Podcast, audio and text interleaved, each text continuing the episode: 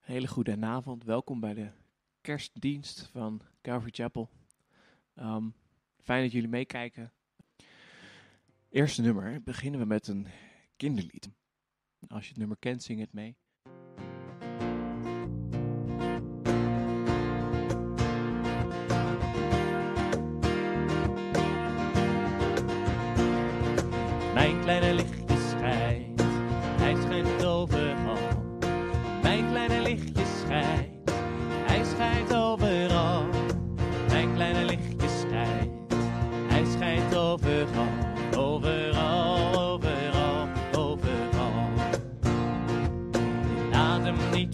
Hình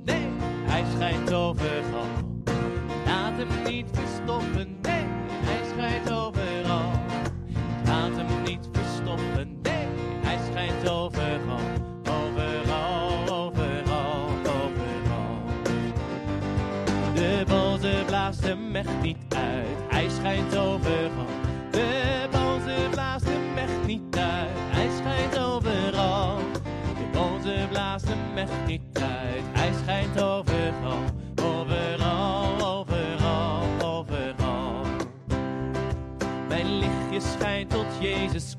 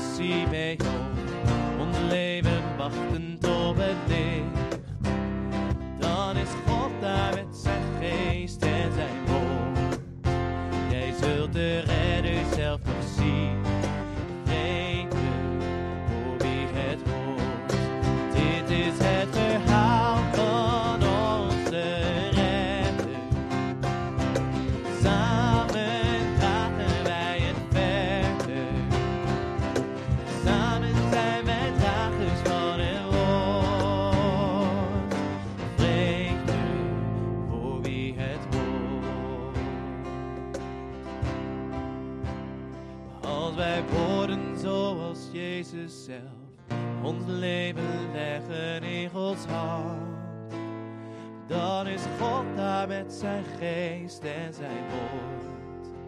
Kijk, dit is mijn geliefde kind, Jezus. Onder het. Dit is het verhaal van.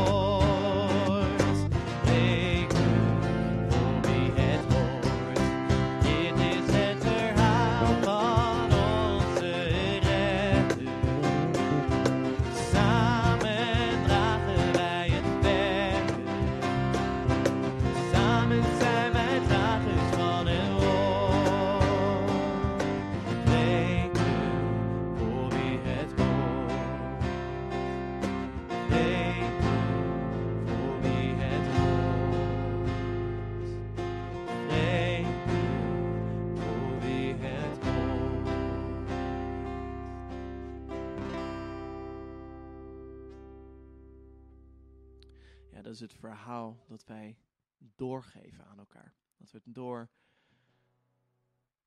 doorvertellen met elkaar. Het verhaal van dat Jezus naar de aarde toe is gekomen. Dat hij gekomen is om ons te redden. En dat is ook waar het volgende nummer over gaat. Glory Emmanuel. God met ons. Daar mogen we over zingen. Als je het kent, zing de volgende nummers ook mee. Ehm, laten we samen de Heeren prijzen.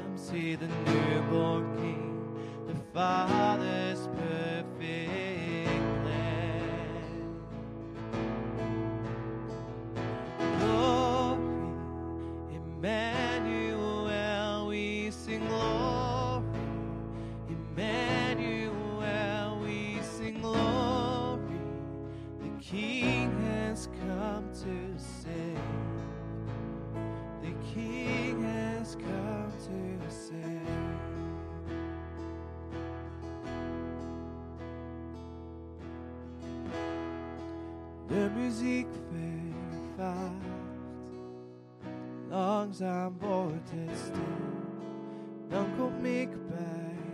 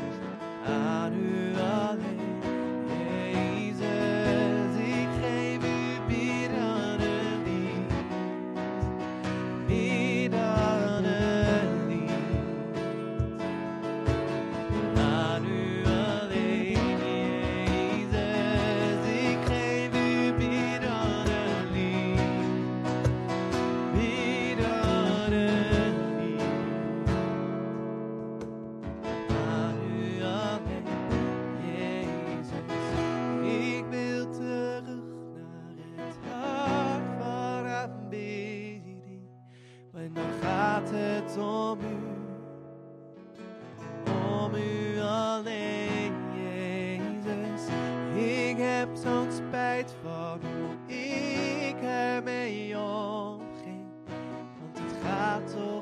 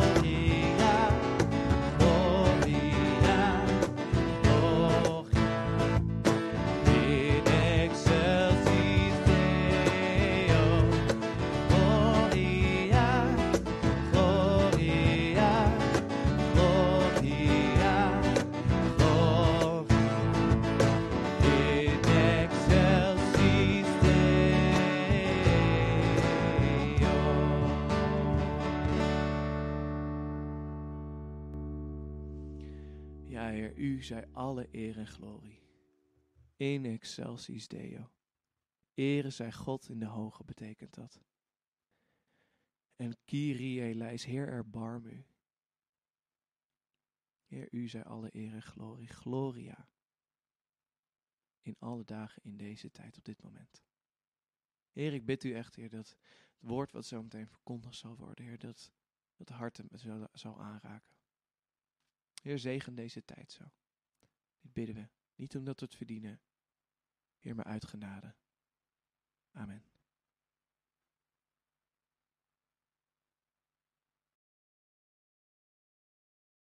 Van harte welkom uh, deze kerstviering. Uh, de wereld viert al 2000 jaar, ruim 2000 jaar kerst. En hier in Nederland is het een nationale feestdag. We kennen zelfs de eerste en de tweede kerstdag.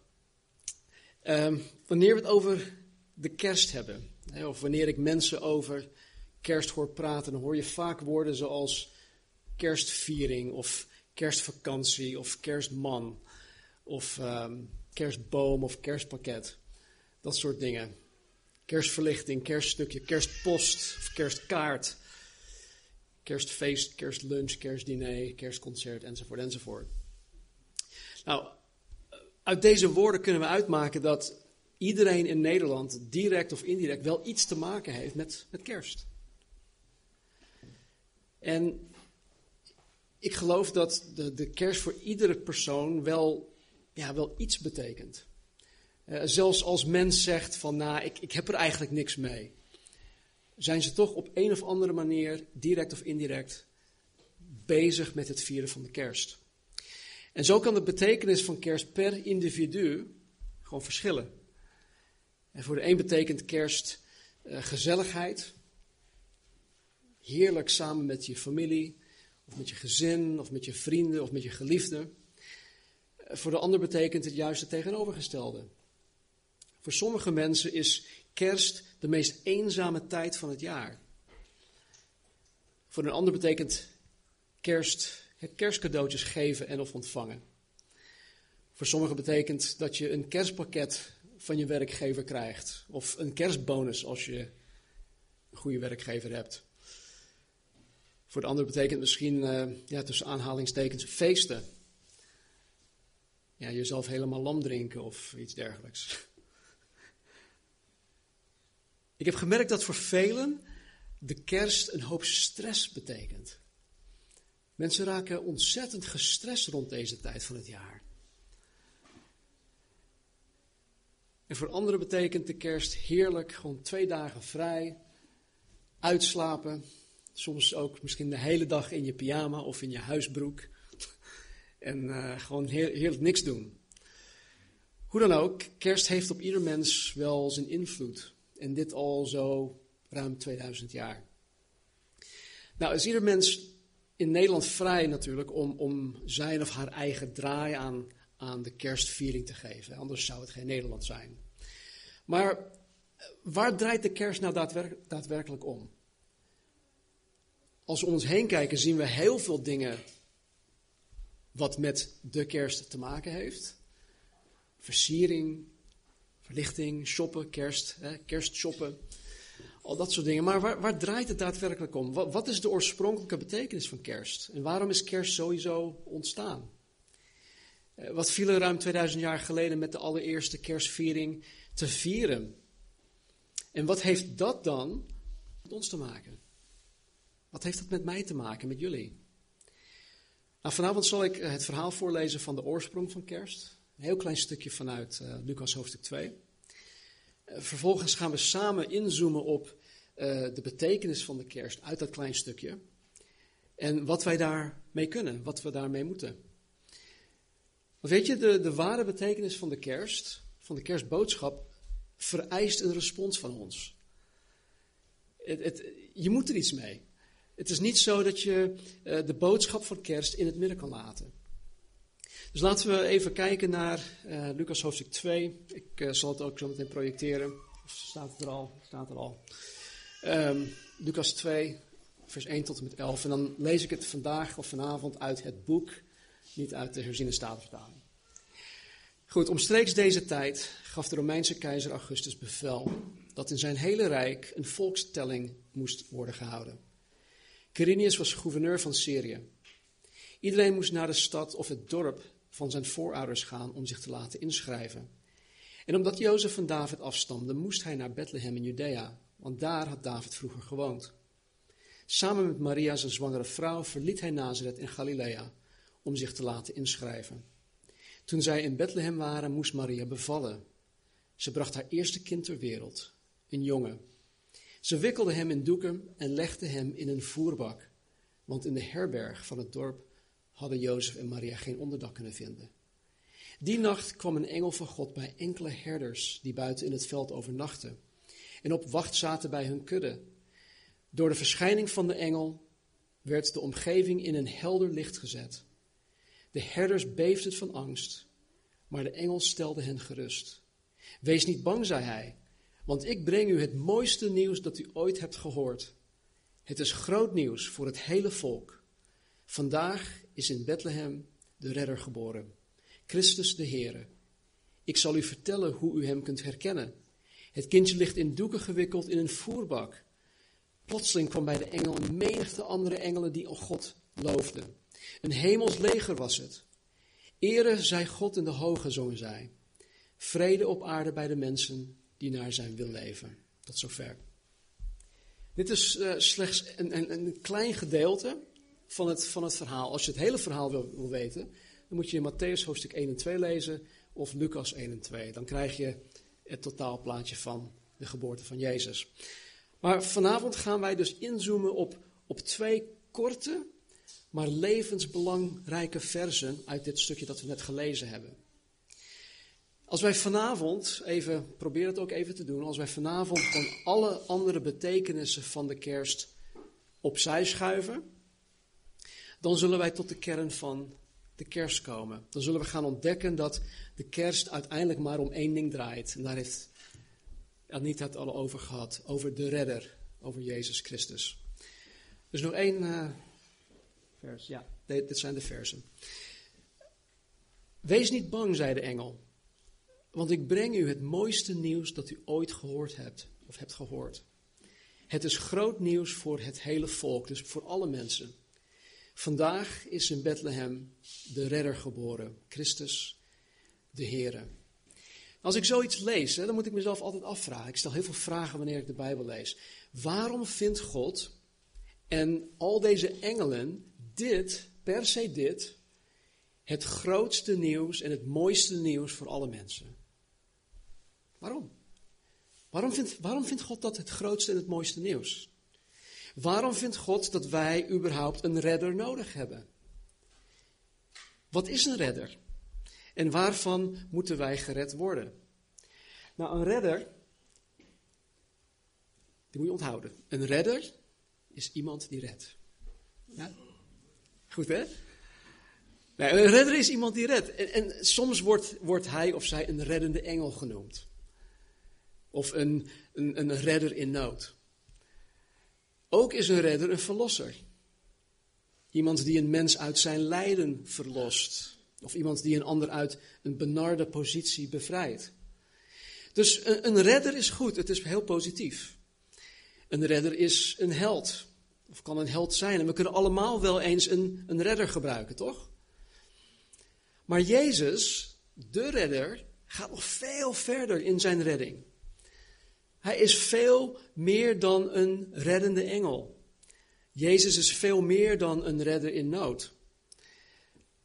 Weet je, veelal wanneer men spreekt van een reddende engel of een redder in nood, dan heeft het met een specifieke situatie of met een specifiek probleem te maken.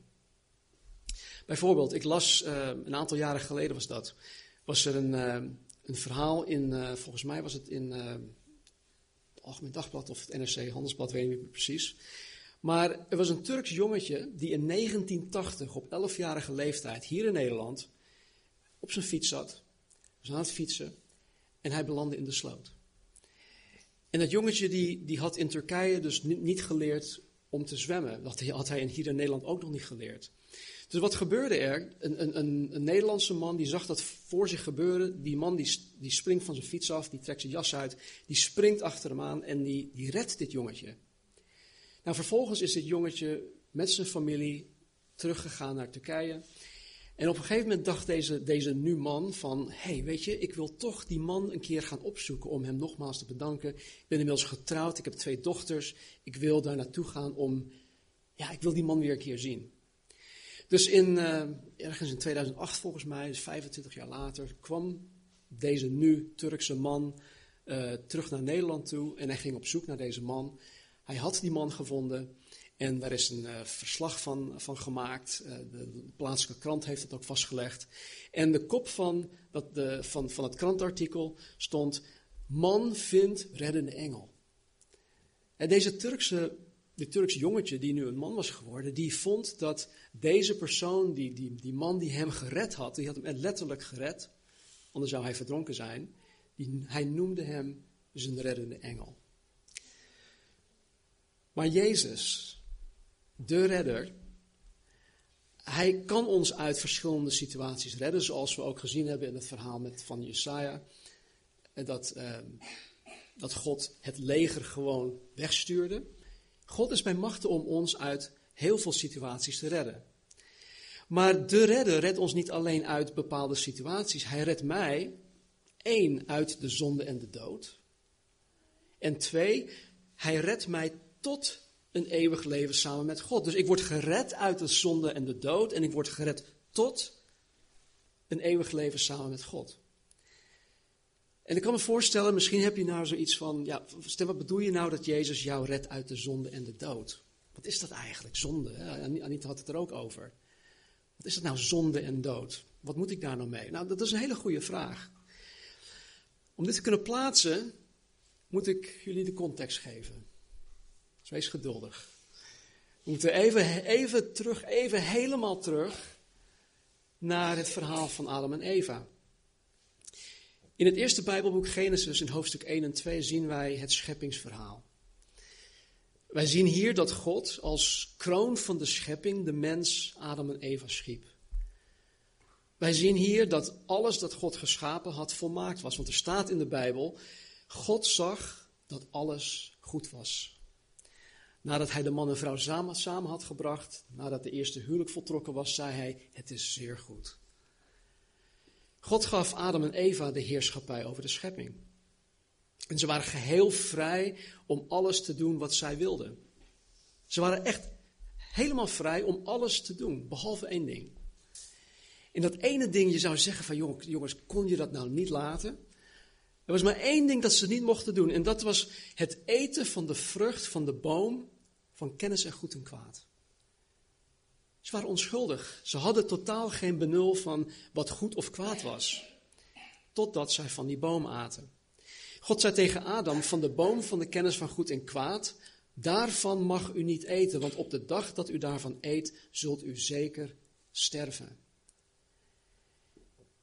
Weet je, alhoewel God hun dit verbood, waren zij alsnog vrij om te kiezen of zij God hierin wel of niet zouden gehoorzamen.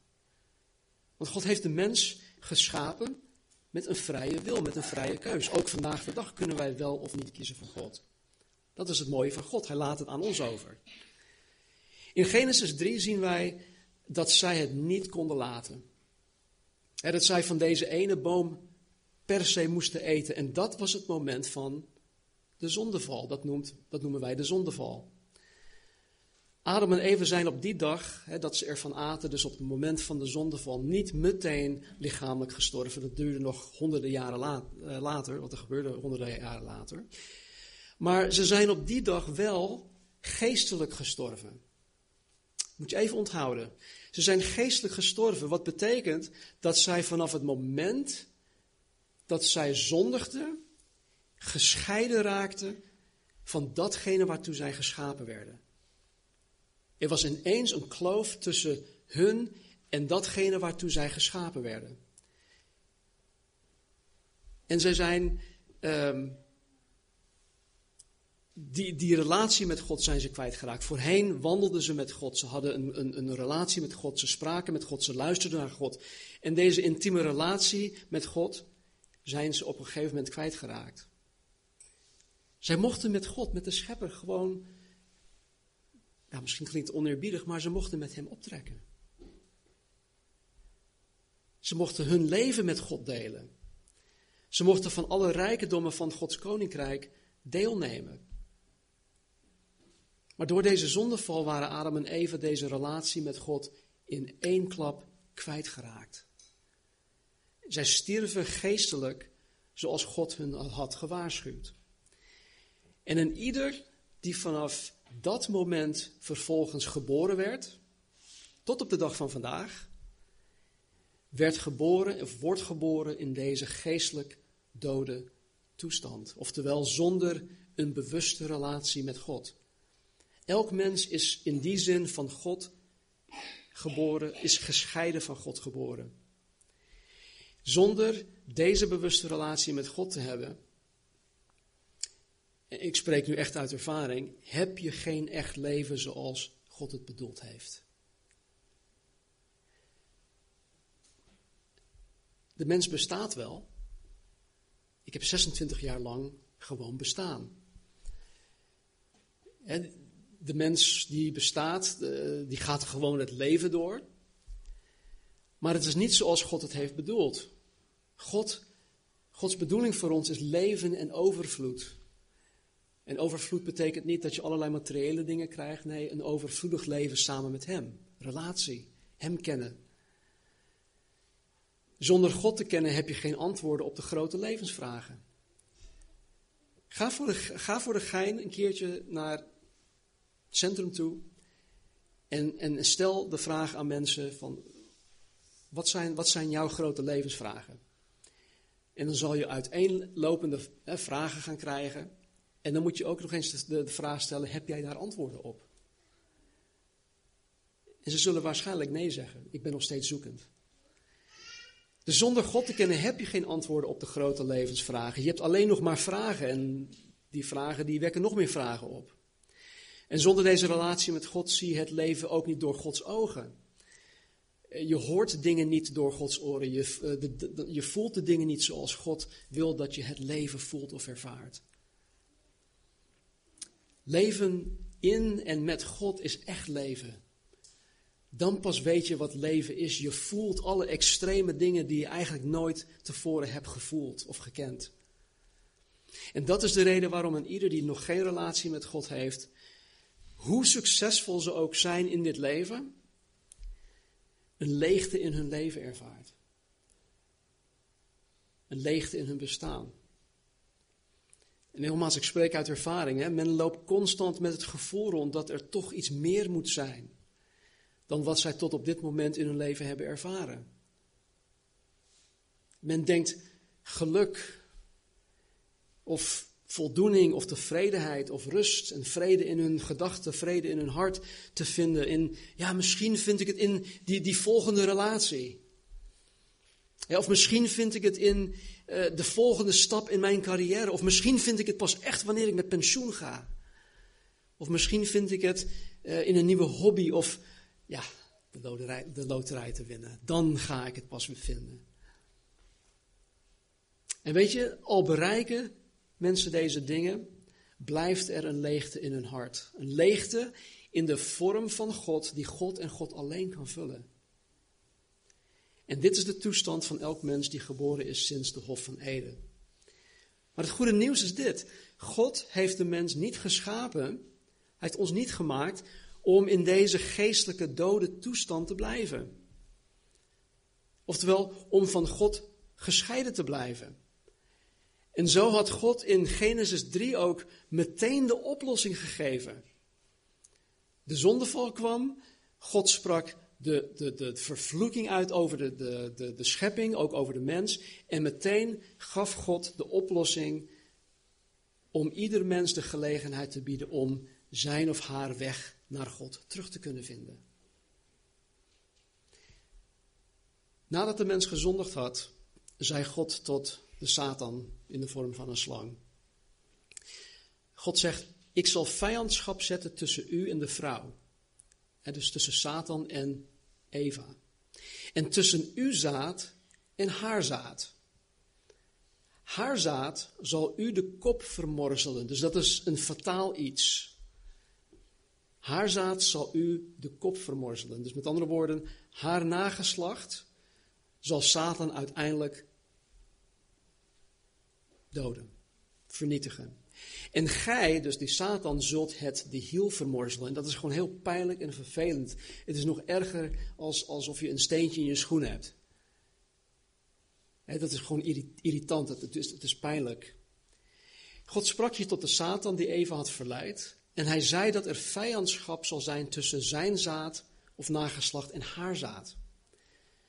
Nou, wij die tijdens onze biologieles opgelet hebben, horen te weten dat het vrouwelijk voortplantingsorgaan geen zaad produceert. Toch? Nee, wat produceert het vrouwelijk voortplantingsorgaan? Een ei. Eitjes, ja. Het is de man die zaaddragend is. Dus wat God hiermee zegt, is dat hij persoonlijk zal gaan voorzien in een redder. Die uiteindelijk de gevolgen van de zondeval helemaal zal terugdraaien.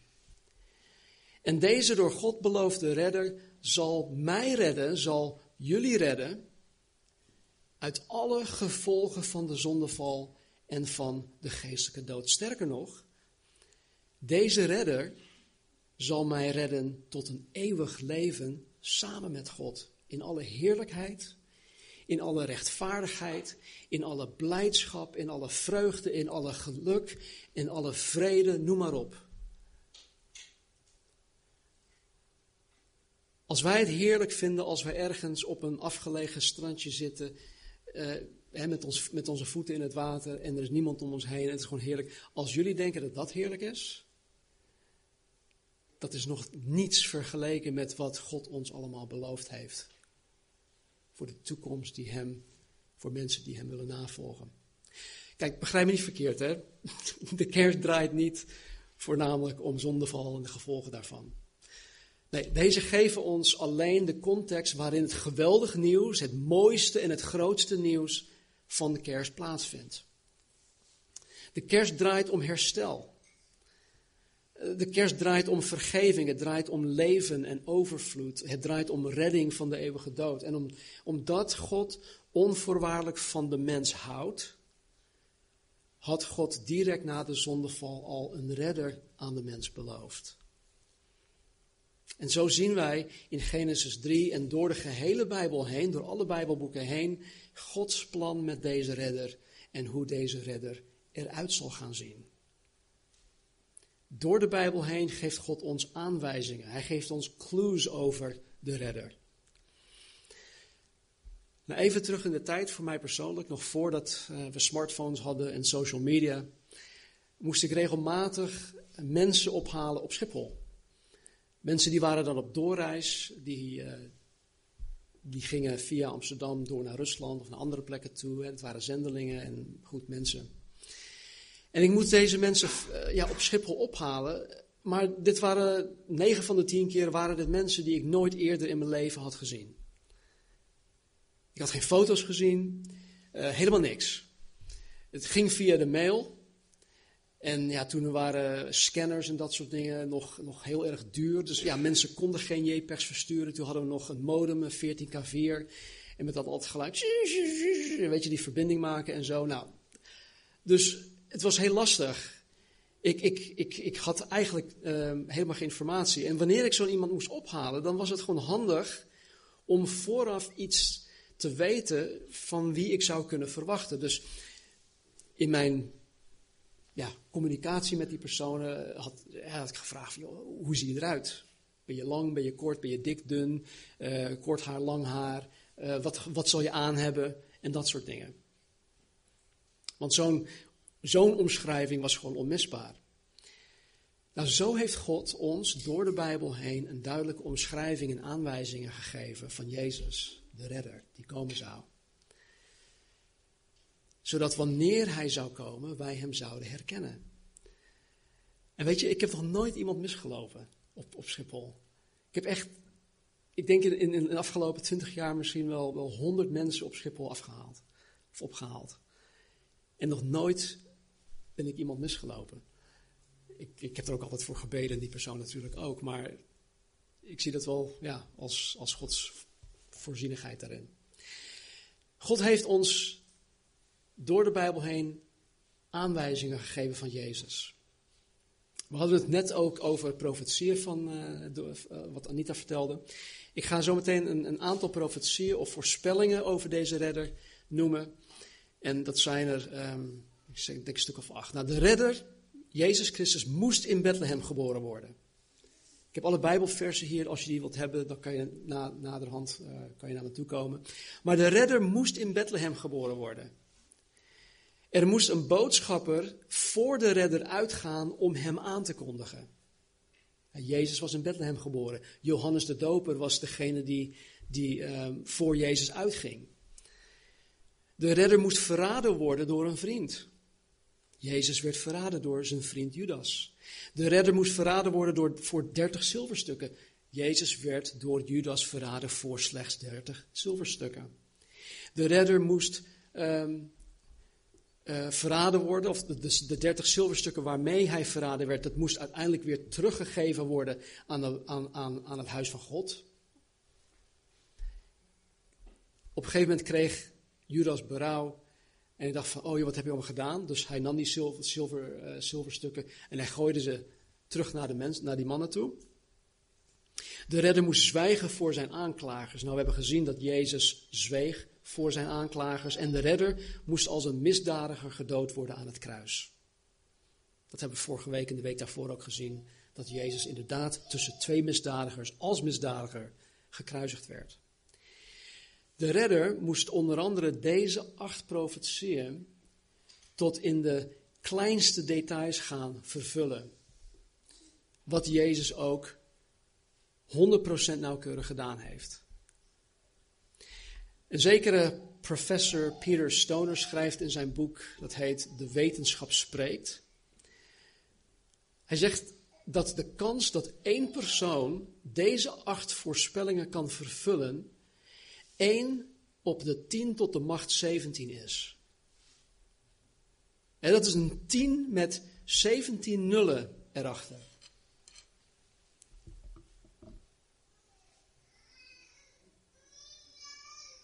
De kans is heel klein. Nou, om hier een beeld van te krijgen, is het te vergelijken met het volgende. Stel dat wij over de gehele oppervlakte van de staat Texas zilveren dollarmunten neerleggen. En die zilveren dollarmunten zijn. Oeps, eentje terug. Die zilveren dollarmunten zijn uh, iets groter dan, dan de Riksdaalder. Kennen jullie die nog? Ze zijn uh, 38 cent, uh, millimeter um, groot, doorsnee. Nou, de oppervlakte van Texas is ruim 696.000 kilometer.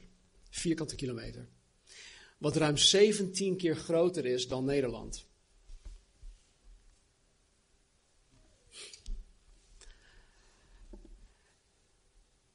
Ja, even voor de beeldvorming. Om een beeld te krijgen van 10 tot de macht 17, dan zouden we deze munten, die, die dollarmunten, tot 61 centimeter hoog moeten opstapelen om tot het aantal 10 tot de macht 17 munten te kunnen komen. En we zouden ze dus echt 61 centimeter hoog moeten opstapelen. Dan moeten we één zo'n munt, noem het maar, rood gaan verven. laten, we die, laten we één munt rood maken. En dan verven, de, verven wij die, die munt rood en we zetten die ergens gewoon willekeurig neer. Vervolgens laten we één persoon geblinddoekt op zoek gaan naar deze roodgeverfde munt. De kans dat deze ene persoon de rode munt zal vinden is gelijk aan de kans dat één persoon acht voorspellingen in de Bijbel vervuld zou kunnen hebben. Dat is, dat is toch niet te bevatten? En dus, ik, ik, ik, ik vertel het nu heel erg simplistisch, maar er zijn allerlei berekeningen gedaan eh, over jaartallen en over uh, bevolkingsaantallen en dit soort dingen. Maar e, even een vraag: wie van jullie is in Bethlehem geboren? Nee, oké, we hebben hier dus geen messias. Oké, goed. Weet je, dus de kans is heel klein dat, dat, dat één persoon dit zou hebben kunnen vervuld. En alle acht plus nog honderden andere profetieën of voorspellingen zijn in de redder Jezus Christus tot in elk detail vervuld. En er zijn ook nog heel veel die nog moeten gaan vervuld worden. En daar zie ik rijkhalsend naar uit. Er is geen andere redder dan alleen Jezus Christus, de Zoon van God. En deze redder kan de gevolgen van de zondeval helemaal terugdraaien. Jezus zei: Ik ben de lang verwachte redder waarover de Bijbel spreekt. Niemand kan dan ook tot de Vader komen los van mij. Alleen door Hem. Nou, als mens zijnde weten wij helaas wat de lichamelijke dood is. We hebben allemaal ooit wel mee te maken gehad. We zullen er ook waarschijnlijk mee te maken krijgen. Mocht de Heer nog niet terugkomen. En ik hoop dat vanavond, of dat na vanavond, wij ook weten wat de geestelijke dood inhoudt. Het, het niet bewustzijn van God, oftewel geen persoonlijke relatie met God hebben. Maar er is ook nog de eeuwige dood. De eeuwige dood betekent dat men na het sterven hier op aarde voor eeuwig onophoudend gescheiden zal zijn van God. De Bijbel leert ons dat het regent op zowel de rechtvaardigen als de onrechtvaardigen. Als ik, ik hou niet zoveel van regen. En, en als het regent en als ik nat, vooral mijn bril, als, als mijn bril uh, ja, wordt, heb ik er zo'n hekel aan. En dan vind ik het eigenlijk oneerlijk dat de regen ook op een rechtvaardige regent. Of, hè? Maar als je dat omdraait, is dat natuurlijk uh, anders. We hebben regen nodig. Zonder regen kunnen we niet leven. En dit betekent dus dat als, zelfs als je niet in God gelooft, dat zijn algemene genade wel op jou rust. Want de regen die hij, hij brengt, dat houdt ook jou gewoon levend, ondanks dat je niks met God te maken hebt. Elke in- en uitademing is jou door God gegeven. Mensen staan er nooit bij stil. Het is vanzelfsprekend. Ik adem. Maar de Bijbel leert ons dat elke in- en uitademing, alles wat we zijn, dat is aan ons door God gegeven. Elke, tussen aanhalingstekens, toevallige gebeurtenissen, waarvan je denkt, ja, iemand had mij echt beschermd. Ja, wie die iemand is, dat weet ik niet, maar iemand of iets of iemand had mij echt beschermd toen. Weet je, dat is Gods bemoeienis aan je, in jouw leven. Dus of je er bewust van bent of niet, zolang je hier op aarde leeft, bemoeit God zich met jou om zichzelf aan jou kenbaar te willen maken, om jou uiteindelijk te redden. Dus als je zoiets hebt van, weet je, ik heb, ik heb iets, zoiets raars meegemaakt vandaag. Het is, nog, het is een wonder dat ik nog leef. Dat is God. Hij bemoeit je met jouw leven. Hij bemoeit zich met jouw leven. Nou, de eeuwige dood, wat de Bijbel de hel noemt, is een plek waar geen enkele molecule van God aanwezig zal zijn. Althans, je zal er totaal niet van bewust zijn. Het is een plek die de Bijbel het uiterste duisternis noemt, waar geween zal zijn en geknars van tanden. En weet je, dit is niet voor één dag of voor een week of voor een jaar. Nee, dit is onophoudend voor eeuwig en eeuwig. Dit is de eeuwige dood. Maar, en dit is, dit is de reden waarom het mooiste en het het grootste nieuws is. Jezus de Redder is ruim 2000 jaar naar de aarde toegekomen om ons hiervan te redden. Dat is toch goed nieuws? Als ik zo'n toekomst tegemoet kom, als, hier op aarde, ik heb 26 jaar zonder een bewustzijn van God geleefd. Ik heb 26 jaar gewoon mijn eigen ding gedaan. Ik heb 26 jaar lang niet met God gewandeld. En ineens kwam God in mijn leven. En alles in mij, innerlijk, alles begon te veranderen. Ik begon, de Bijbel zegt, als je in Christus bent, ben je ineens een nieuwe schepping geworden. Het oude is helemaal voorbij, ineens ben je een nieuwe schepping geworden en je gaat daarnaar leven, je gaat daarnaar veranderen. En Gods Heilige Geest die kwam dan in mij en Gods Woord werd ineens duidelijk. Ik begon het ineens te snappen. En God begon aan mij te sleutelen. En ik ben geworden wie ik nu ben. En ik weet dat Hij nog lang niet, uh, nog lang niet klaar met mij is. Maar ik weet dat Hij die een goed werk in mij begonnen is, het werk zal volbrengen en voleindigen. Want God maakt zijn werk af. Hij, hij, is, hij doet geen half werk. Jezus is gekomen om ons de weg te wijzen. De weg terug naar God. Jezus is gekomen om alles terug te draaien wat er fout is gegaan in de Hof van Eden. Jezus is gekomen om uiteindelijk de vloek, listen, Jezus is gekomen om uiteindelijk de vloek over heel de schepping ongedaan te maken. Hij is gekomen om ons geestelijk leven te geven, om ons het eeuwig leven te geven, waar wij door voor eeuwig in een liefdevolle relatie met God zullen optrekken. Nou, deze redding, de redding van deze dingen, is nu de oorspronkelijke en voor eeuwig durende betekenis van kerst. En dit is waarom kerst ruim 2000 jaar geleden is ontstaan. Dit is wat de engelen en de herders met de allereerste kerst hebben gevierd. En dit is waarom de engel maar de hele, de hele hemel juichte bij de aankondiging van de geboorte van Jezus. Dit is het mooiste en grootste nieuws die wij ooit te horen zullen krijgen. En zoals het 2000 jaar geleden voor die mensen gold, is Gods aanbod om gered te worden deze kerst nog steeds geldig. Maar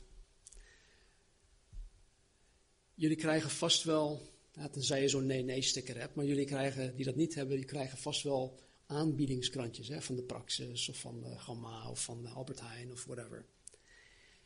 Er staat er altijd geldig van tot, toch? Nou, als je na die datum komt en je zegt van, joh, ik wil dit uh, voor deze prijs hebben. sorry meneer, sorry mevrouw. Bij alle aanbiedingen zit er een geldigheidsdatum aan gekoppeld. Ook bij Gods aanbod om gered te worden zit een geldig tot moment aan vastgekoppeld.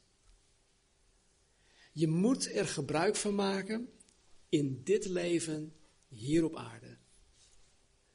Zolang je nog adem hebt, kan je er gebruik van maken.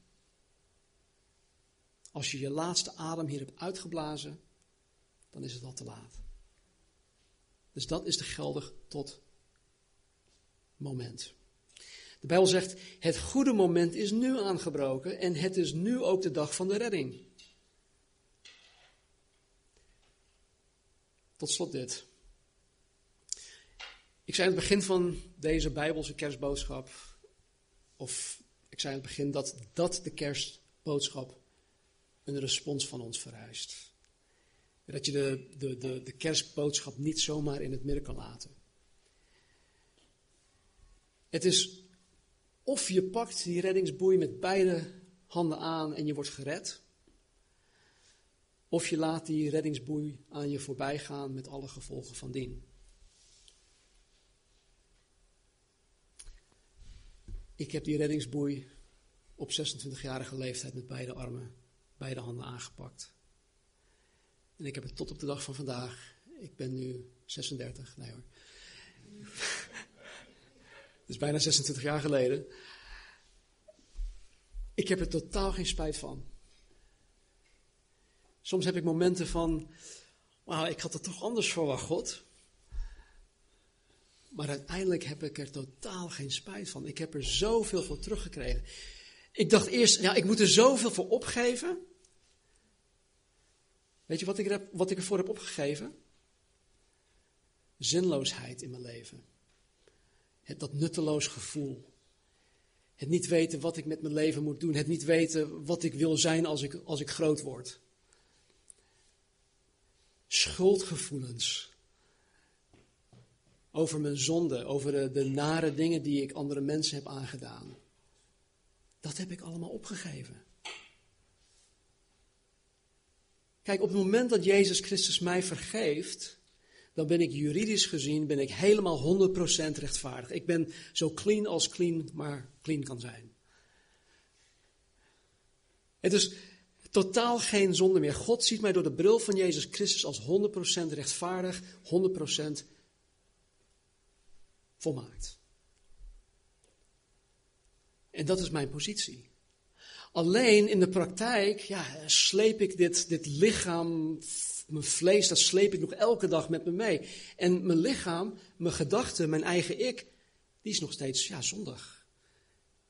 Ik zondig niet zoveel meer als vroeger, maar ik zondig nog steeds. En wat gebeurt er dan? Ik voel me er schuldig bij. En Satan, die gooit er tien schepjes bovenop om die schuld nog erger te laten zijn. Maar het mooie van Jezus Christus is dat Hij niet alleen juridisch gezien mij vrijspreekt van mijn schuld. Hij neemt die schuldgevoelens ook meteen weg. Hij maakt het mogelijk dat die schuldgevoelens, die last van mij helemaal af kan komen. Geen enkele psycholoog op aarde kan dat voor jullie doen. Alleen Jezus Christus. Dus als je Jezus Christus nog niet kent als jouw persoonlijke redder en je wilt dat Hij jou redden zal van je zonde, van je schuldgevoel, van je schuld, eh, van de geestelijke dood, van de eeuwige dood, dan is nu het moment. Ik heb ooit, ook ooit dat moment gehad. Ik heb het met beide handen aangegrepen. Als je wilt dat je leven betekenis krijgt, dat je antwoord krijgt op de grote levensvragen die je hebt, de vragen waarmee je zit, de vragen die je misschien met niemand anders hier op aarde deelt. Als je echte antwoorden op die vragen wil krijgen, dan is nu het moment. Als je de zekerheid wil hebben dat wanneer je sterft, je voor eeuwig bij God zal zijn, in zijn heerlijkheid dan hoef je jezelf alleen maar aan Hem over te geven. En weet je, het is zo simpel, het is zo eenvoudig. God maakt het zo makkelijk dat zelfs een kind, een heel klein kind, dit kan doen. Dat zelfs iemand zoals als ik het kan doen. Praat gewoon met God. Het hoeft niet hardop. Jezus weet er wat in je gedachten, wat in je hart al omgaat. Hij kent je hart, hij kent je gedachten. Dus Schroom niet. En als je dat wil doen, dan is dat heel eenvoudig. Als je dat wilt doen, dan kunnen we vanavond ook de dienst afsluiten met een gebed. Dus wil ik je ook vragen om jullie met je hoofden gebogen en je ogen gesloten te houden. Bid gewoon samen met mij dit gebed. Hemelse Vader, ik geloof dat ik door de gebeurtenissen de Hof van Ede een zondaar ben. Heren, dat ik, op dat ik op dit moment van u gescheiden ben. Ik geloof dat ik een redder nodig heb om tot God de Vader te kunnen komen. En Heer, ik geloof dat u Jezus de redder bent en dat u mijn persoonlijke redder wil zijn. Ik geloof dat u gekomen bent om voor mijn zonde aan het kruis te sterven. En God, ik keer me nu af van mijn oude leven, van het niet of het niets te willen hebben met u. Ik keer me nu af van die houding, Heer, en ik keer me nu tot u. Ik keer me nu af van mijn oude zondig leven en ik zal vanaf dit moment mijn leven aan u geven om u te leren kennen, om u te dienen voor uw glorie. En God, vervul mij alstublieft met uw Heilige Geest. Maak mij een nieuwe schepping. Heer, ik bid het in geloof. En ik bid dat u dit in mij zal gaan doen. In Jezus' naam. Amen. Oh, holy night, stars are brightly